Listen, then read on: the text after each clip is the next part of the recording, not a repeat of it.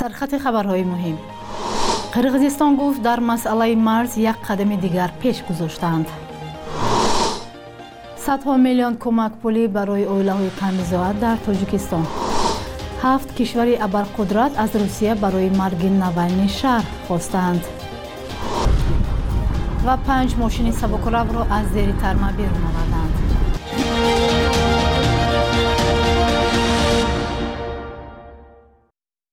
салом бинандаҳои азиз умедворам хубед. Ба барномаи навиди бомдодӣ хуш омадед. Имрӯз душанбе 19 феврал. Давлатманди хол ҳунарманди саршинос ва фалаксарои тоҷик рӯзи 18 феврал даргузашт. Ӯ 74 сол дошт.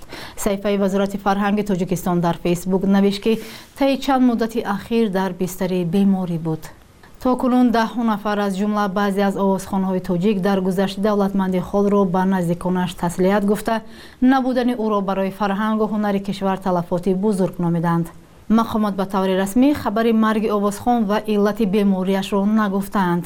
Яке аз наздиконаш хабар дод ки маросими видео бо ҳунарманд ва дафни ӯ рӯзи 19 феврал баргузор хоҳад шуд оҷонсии обу ҳавошиносии тоҷикистон ҳушдор додааст ки то 21 феврал дар аксар минтақаҳои кишвар борон ва барф меборад. Ба иттилои ниҳод дар ноҳияҳои ҷануб ва шимоли қаторкӯҳҳои ҳисор ва навоҳии кӯҳии тобеи ҷумҳурӣ ва як қатор ноҳияҳои ғарбии вилояти мухтори кӯҳистони бадахшон эҳтимоли лағзиши тарма вуҷуд дорад кумитаи ҳолатҳои фавқулода ба дар робита ба эҳтимоли бадшавии обу ҳаво ба сокинон ҳушдор додааст ки хонаҳои худро гарм нигоҳ доранд ва аз истифодаи дастгоҳҳои худсохти барқӣ барои гарм кардани хонаҳо худдорӣ намоянд. Инчунин ҳангоми боди шадид зери дарахтон симчӯбҳои интиқоли барқ ва сутунҳои реклом паноҳ набаранд. Зимнан субҳи дирӯз дар роҳи душанбе хуҷанд панҷ мошини сабукрав зери тарма монд айрес ширкати масъули нигоҳубини ин роҳ рӯзи 18 феврал бо нашри акс дар саҳифаи фейсбукияш дар ин бора хабар дод. Ба гуфтаи ширкат тарма 50 метр паҳноӣ ва 6 метр баландӣ доштааст. Хушбахтона талафоти ҷонӣ нест кормандони мо сари вақт мошинҳои зери тарма мондаро берун бароварда тармаро фавран бартараф намуданд гуфтааст ширкати айрес роҳи душанбе хуҷанд дар зимистону баҳор хатарнок мешавад. Ҳодисаҳои фаромадани тармаву сангпора дар ин ду фасли сол сабт мешавад ва борҳои борҳо боиси талафоту бастани роҳ шудааст. Ҳукумат масъулияти нигаҳбонии ин роҳро аз соли 2009 ба ширкати номаълуми айресодааст ва ин ширкат аз ронандагон пул мегирад. Соҳиби ширкат маълум нест ва ҳукумат низ соҳибони онро фош намекунад мақомоти тоҷик гуфтанд имсол барои 300 ҳазор оилаҳои камбизоат дар тоҷикистон садҳо миллион сомонӣ кӯмак пулии иҷтимоӣ ҷудо шудааст ки нисбат ба як соли пеш 65 миллион сомонӣ бештар будааст. Ин кӯмакҳо аз ҳисоби афзоиши андозу пардохтҳо дар кишвар зиёд шудааст. Ҷузъиёти ин мавзӯъро дар гузориши ҳамкорони мо сарвинози рӯҳуллоҳ ва амир исоев мебинем вазири молияи тоҷикистон тасдиқ кард ки афзоиши андозу пардохтҳо дар кишвар бо ҳадафи афзоиши маошу нафақа ва кӯмакҳои иҷтимоӣ сурат мегирад.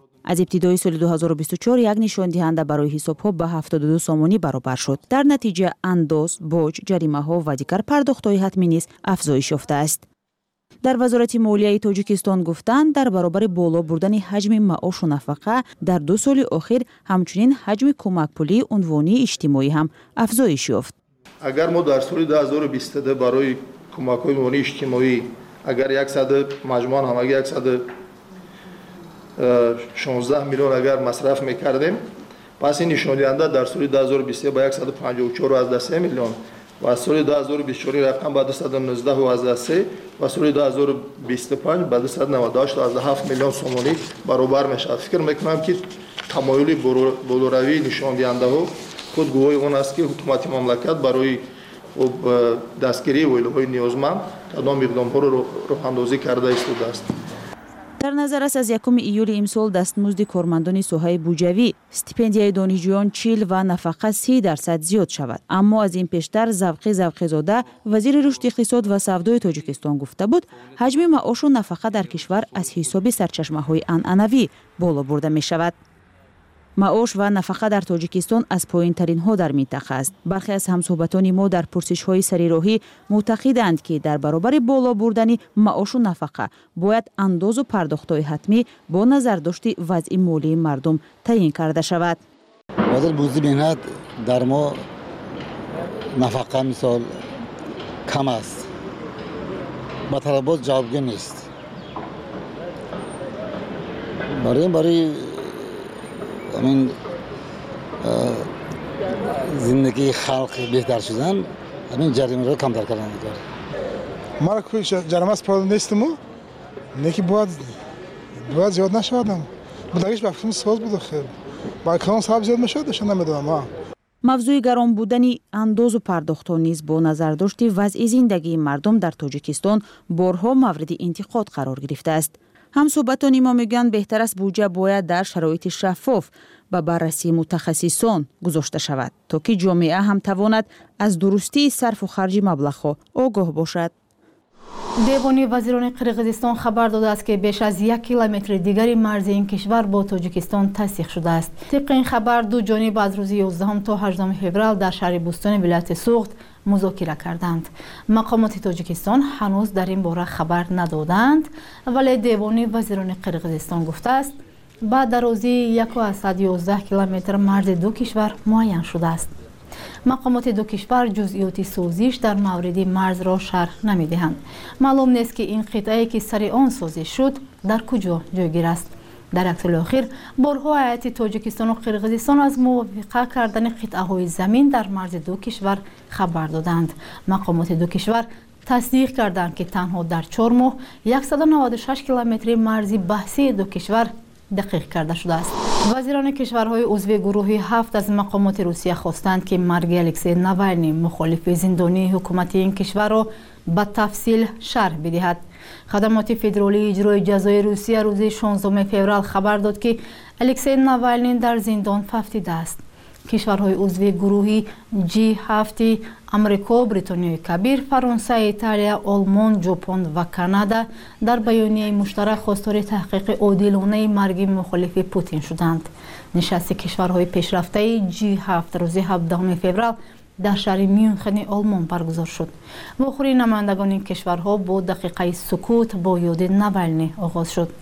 Барои мубориза бо фасод дар русия ва мубориза баҳри озодӣ навалниро амалан ба марг расонданд гуфт антонио таяни вазири корҳои хориҷии италия ҷасади алексей навалниро то кунун ба наздиконаш надоданд. Дар шаҳрҳои гуногуни русия ба ёди навални бархе сокинон гулчамбар ва лавҳаи ёдбуд мегузоранд. Вазири адлияи тоҷикистон бемории улфатхонии мамадшоева фаъоли ҷамъияти зиндониро тасдиқ кард ва гуфт табибони маҳбас талоши табобати ӯро доранд. Музаффар ашурён вазири адлияи тоҷикистон рӯзи 15 феврал дар нишасти хабарӣ гуфт ки улфатхонии мамадшоева ки дар зиндони занонаи шаҳри норак адои ҷаза мекунад аз фишорбаландӣ азият мекашад.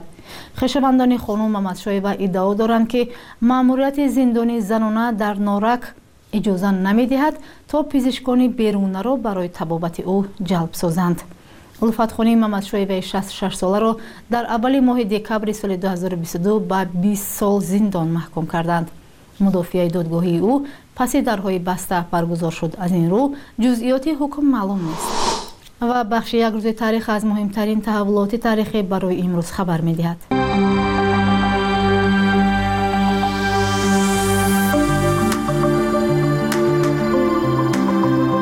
19 феврали соли 1939 ҳунарпеши шоистаи тоҷикистон тухта иброҳимова таваллуд шудааст.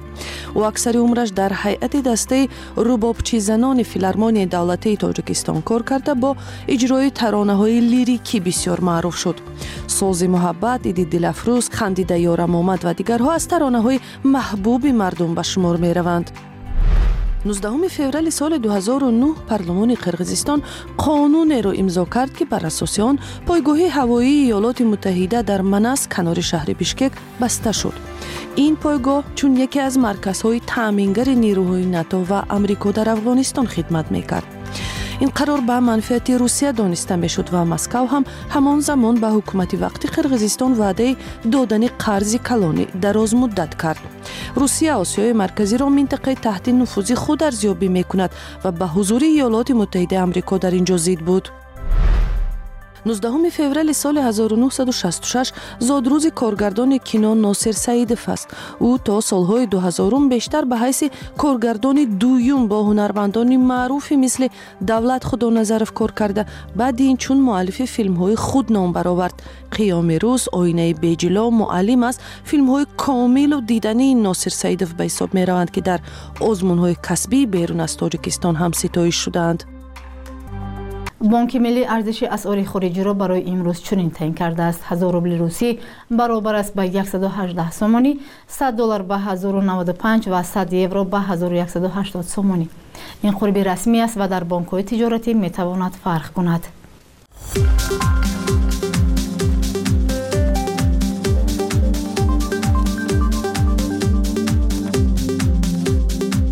بینندگان عزیز شما برنامه نویدی بامدادی را تماشا کردید. خبر و گزارش های بیشتر و دوامی روز در صحیفه و سمانه رادیو زودی پیدا نمایید. تا برنامه بعدی خدا نگهدار.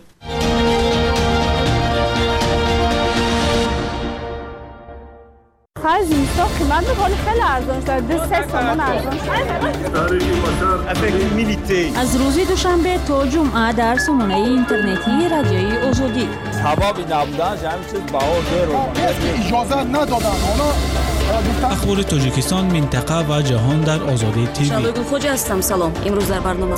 تفصیل خبرها. به همین شکل صورت خواهد گیرید www.ozodi.org салом шунавандагони гиромӣ. Ман шаълои гулхоҷа дар студия ҳастам ва хабарҳои тозаи рӯзи 19 февралро тақдими шумо мекунам. Дар ибтидо аз хабари марги ҳунарманди маъруфи тоҷик давлатманд хол оғоз мекунем. Давлатманди хол ҳунарманди саршинос ва фалаксарои маъруфи тоҷик рӯзи 18 феврал дар синни 74солагӣ бар асари беморӣ даргузашт ва рӯзи душанбе 19 феврал дар оромгоҳи лучӯби пойтахт ба хок супорида шуд. Саҳифаи вазорати фарҳанги тоҷикистон дар фейсбук навишт ки таи чанд муддати охир ӯ дар бистари беморӣ буд. Барои ташхису табобат ба кишварҳои гуногун бурданд дусе рӯзи пеш аз москав ба душанбе оварда дар бемористони қарияи боло бистарӣ карданд. Дар гузашти овозхони саршиносро аҳли илму адаб на танҳо фоҷиаи ҳунари овозхонӣ балки талафоте барои тарғиби адабиёти асил ва шеъри ноб медонанд. То кунун даҳо нафар аз ҷумла баъзе аз овозхонҳои тоҷик дар гузашти давлатманди холро ба наздиконашон тасаллият гуфта. Набудани ӯро барои фарҳангу ҳунари кишвар талафоти بزرگ نامیدند مقامات به طور رسمی خبر مرگ یاوز و علت بیماریش را نگفتند. Баъд аз эълони марги алексей навални раҳбари зиндонии мухолифон дар русия беш аз 46 ҳазор нафар бо ирсоли нома аз кумитаи тафтишотӣ хостанд ки ҷасади сиёсатмадорро ба наздиконаш диҳанд. Ҳомиёни ҳуқуқ ин ташаббусро 17 феврал ба роҳ монданд. Намояндагони маҳбас сабаби фавти сиёсатмадорро нишонаи марги ногаҳонӣ меноманд.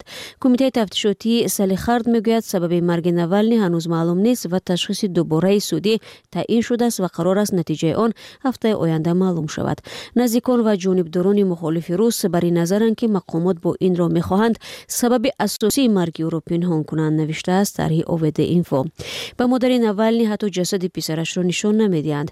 طور اوید اینفو نوشت سنجش سبب مرگ نوالنی که از سوی کمیته تفتیشاتی انجام داده می شود امکان می دهد تا سپریدن جسد او به نزدیکانش تو سی روز به تاخیر افتد.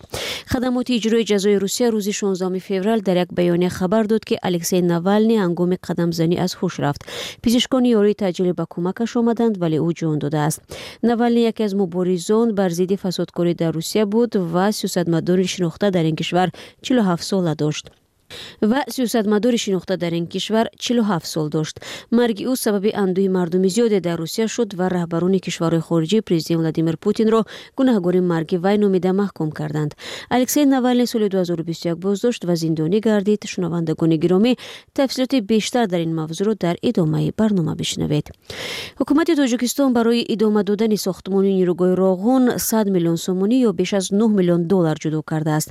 Қарори ҳукумат 2 феврали имсол қабул қабул шуда радиозодӣ 19 феврал нусхаи онро дид. Дар ҳуҷҷат омадааст 100 миллион сомонӣ барои нирӯгоҳи роғун пардохта мешавад.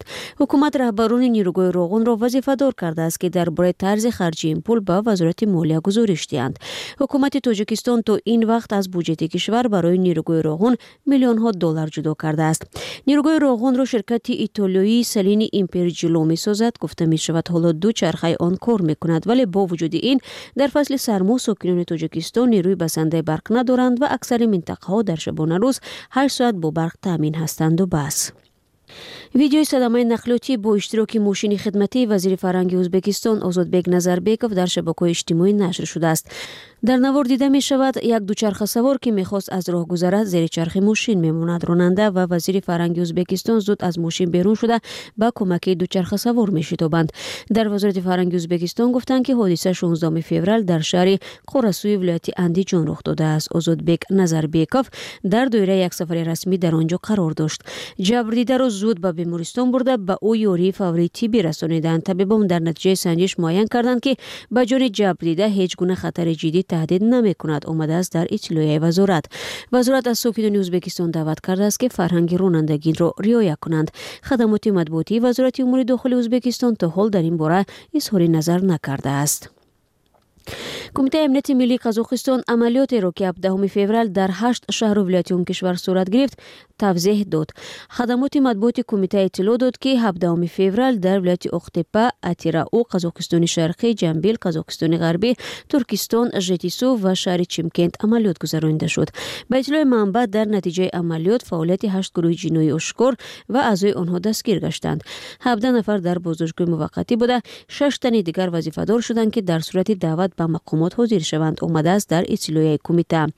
Боздоштшудаҳо дар таблиғи терроризм одамрабоӣ جویی و قچوق مواد مخدر و سلاح متهم می شوند. خبری دارید که می‌خواهید همه بدوند عکس و یا ویدیوی دارید که می‌خواهید همه ببینند و بها بدهند. یا می‌خواهید از مشکل بگویید پس این شماره در ایما وایبر واتساپ تلگرام برای شماست. کد 420 شماره 724 053 959 کد 420 شماره 724 053 959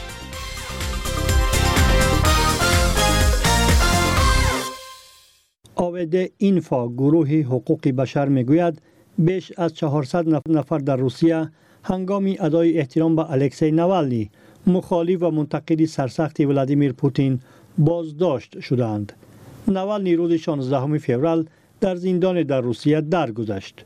او 47 ساله بود. چون و چرای موضوع را در این گزارش از من محمد و فاریزا زاده بشنوید. با گزارش خبرگزاری اسوسییتد پرس مرگ ناگهانی الکسی نوالنی ضربه سخت برای بسیاری از روسها بود که امیدشان را برای آینده به مخالف سرسختترین پوتین پرزیدنت روسیه بسته بودند. روزهای جمعه و شنبه صدها نفر با گذاشتن دستگل و روشن کردن چراغ در مکانهای یادبود قربانیان سرکوبهای سیاسی به نوالنی ادای احترام کردند. بر اساس معلومات گروه حقوق بشر با نام آبده اینفا 401 نفر تا شام شنبه در بیش از 100 شهر روسیه از سوی پلیس بازداشت شده بودند. این گروه گفته است بسیاری از بازداشت‌ها در شهر سنگ پتربورگ صورت گرفت. در این شهر زیاده 200 نفر بازداشت شدهاند. به گفته این مقامات دادگاه ها حکم حبسی از یک تا شش روزی بازداشت ها را صادر کردند. چند نفر دیگر از بازداشت ها جریمه شدند. مقامات در شهرهای نوسیبیسک و تامسک مکانهای مراسم یادبود را محاصره کردند. در این جایها مردم به احترام نولنی گل و شم میگذاشتند. خیشاوندان و اطرافیان نزدیک الکسی نولنی خبری مرگ او را در یک زندان دور افتاده در ارتیکای روسیه تصدیق کرده خواستند جسد او به آیلای سپرده شود. کیرا یارمیش سخنگوی الکسی نوالنی با تکیه به معلومات معلوماتنامه رسمی که به لیودمیلا مادر سیاستمداری شناخته دادند در شبکه ایکس یا توییتر پیش نویشت: مخالف سرسخت حکومت روز 16 فورال در زندانی به نام گرگان آرکتیک ساعت دو 17 دقیقه به وقت محلی فوتیده است. در بیانیه یرمیش از روز 17 فورال آمده است. یک کارمند زندان گفت جسد نوالنی حالا در سل خرد است. او را مفتشان از زندان بردند و حالا تشخیص می‌کنند. ما طلب داریم که جسد الکسی نوالنی را فوراً به عائله سپارند. پیشتر از این روزنامه نویا گزیتا گزارش داد که لیود میلا نوالنایا مادر الکسی نوالنی با زندان به شهر خرد در منطقه یملانینسک تقریبا 1900 کیلومتر دورتر از مسکو می رود. خدمات اجرای جزای روسیه روز 16 فوریه در یک بیانیه خبر داد که الکسی نوالنی هنگام قدم زنی از هوش رفت. پیدشکان یاری تجلی و کمکش آمدند ولی او جان داده است. نوالنی یکی از مبارزان بر ضد فسادکاری در روسیه و سیاستمداری شناخته در این کشور بود. مرگ او سبب اندوه زیاد در روسیه شد و رهبران خارجی پرزیدنت ولادیمیر پوتین را گناهگار مرگ او نامیده محکوم کردند. روز 17 فوریه وزیران کارهای خارجی گروه هفت یعنی هفت کشوری پیشرفته صنعتی جهان در حاشیه کنفرانس امنیتی میونخن با سکوت یاد نوالنی را گرامی داشتند. الکسی نوالنی سال 2021 بازداشت و زندانی شد.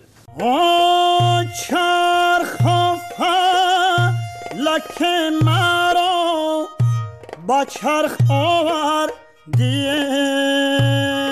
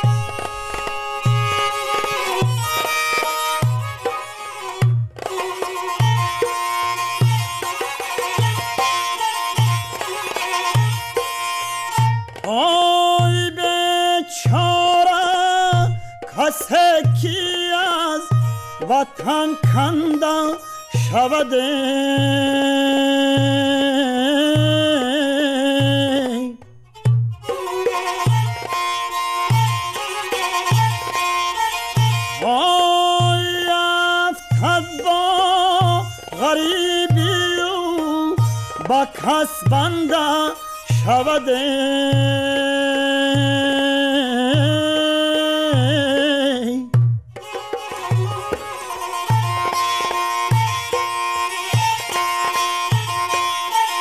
Oy çarhifa lake garda de oyad bar vatane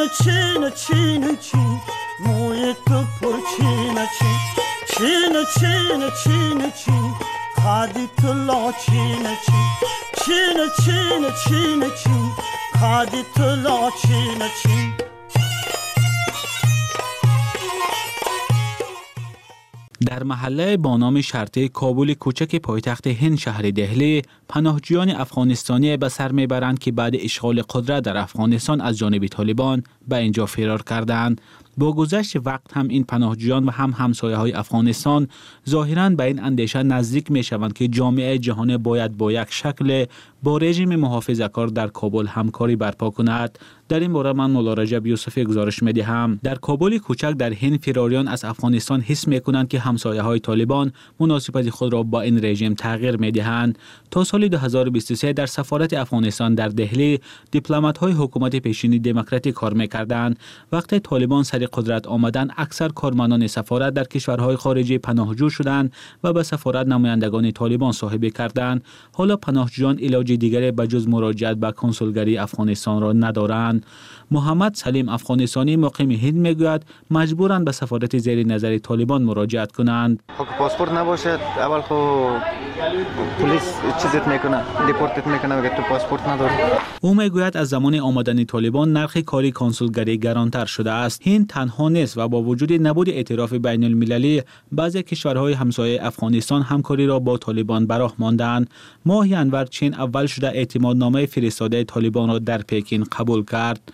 ماهی انور در کابل جلسه با اشتراک دیپلمات های روسیه، چین، ایران، پاکستان، ترکیه برپا شد و هم گزارش سازمان گروه بین المللی بحران ها نشر شد که همکاری با طالبان را یک امر ناگزیر نامید. گرایم سمیت یک مسئول گروه بین المللی بحران ها گفت کشورهای منطقه بجز همکاری علاج دیگری ندارند. هر چیزی که در افغانستان میگذرد همان زمان به خود آنها تاثیر میرساند هم در تجارت و هم امنیت. همکاری منطقه با طالبان هر قدر دشوار هم نباشد ضرور است. همزمان تحریم های جاری کرده غرب نسبت به طالبان پایبرجا بوده. افغانستان از نظام بین المللی بانکی کنده است چون حاکمان امروزه کشور را برای پایمال کردن حقوق زنان و دختران و دیگر حقوق ها محکوم می‌کنند. برخی تحلیلگران می‌گویند هرچند برای دموکراتی همسایه مثل هند همکاری با طالبان ناخوشایند است ولی از منفعت ها هم خالی نیست. محیب احمد استاد دانشگاه جامعه ملی اسلامی در دهلی گفت هند در فکر دستیابی به ذخیره ها و نفت آسیای مرکزی است. این منفیت داری به پایگاه گروه های تروریستی تبدیل شدنی افغانستان نیست چون بعدا دهلی را هدف قرار می دهند دورنمای زودرس و میان مدت این است که افغانستان یک کشور بای از معدن طبیعی است. و همه می داند که آینده اقتصادی منطقه در ارتباط با هم است. بعضی ساکنان کابل کوچک می‌گویند هرچند زندگی در دهلی آسان نیست ولی بازگشت به افغانستان زیر نظر طالبان یک کار غیر قابل قبول است. احمد پرویز پیش از ترک افغانستان یک مربی ورزشی بود. او گفت چون برای نداشتن ریش طالبان تهدید کردند به افغانستان برگشتنی نیست. مشکلی ما زیاد است چون جای کار نداریم برای خوراک و پول خانه پول نداریم. ما همه یک افسردگی سخت داریم. толибон тобистони соли 2021 афғонистонро зери назорат дароварданд то ҳанӯз ҳеҷ кишвари дунё ҳукумати ин гурӯҳро дар афғонистон ба расмият нашинохтааст ҳарфҳоро як як мечинем. О з о д и. Вау ана озодӣ. Як клик то озодӣ. Тозатарин хабарҳо ва назарҳои гуногун. Озодӣ нуқта орг. Як клик то озодӣ озодӣ нуқта орг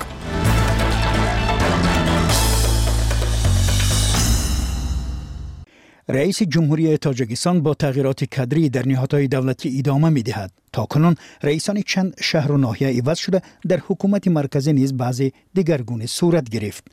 Ман мирзонабии холиҳзод роҷеъ ба ин мавзӯъ гузориши бештар ироа хоҳам кард برای نمونه دلربا منصوری معاون رئیس پارلمان به مقامات اجرایه به منصب معاون سروزیر تعیین شد سهیلی قربانزاده را که رئیس بخش زیرساختی دستگاه اجرایی پرزیدنت بود معاون رئیس ولایت سوخت تعیین کردند سجاودین سلامزاده از معاونت شهرداری دوشنبه به کرسی رئیس ناحیه دنغره انتقال یافت کارمندان نهادهای قدرتی استخباراتی دادگاه و دادرسان نیز در کنار نماندند.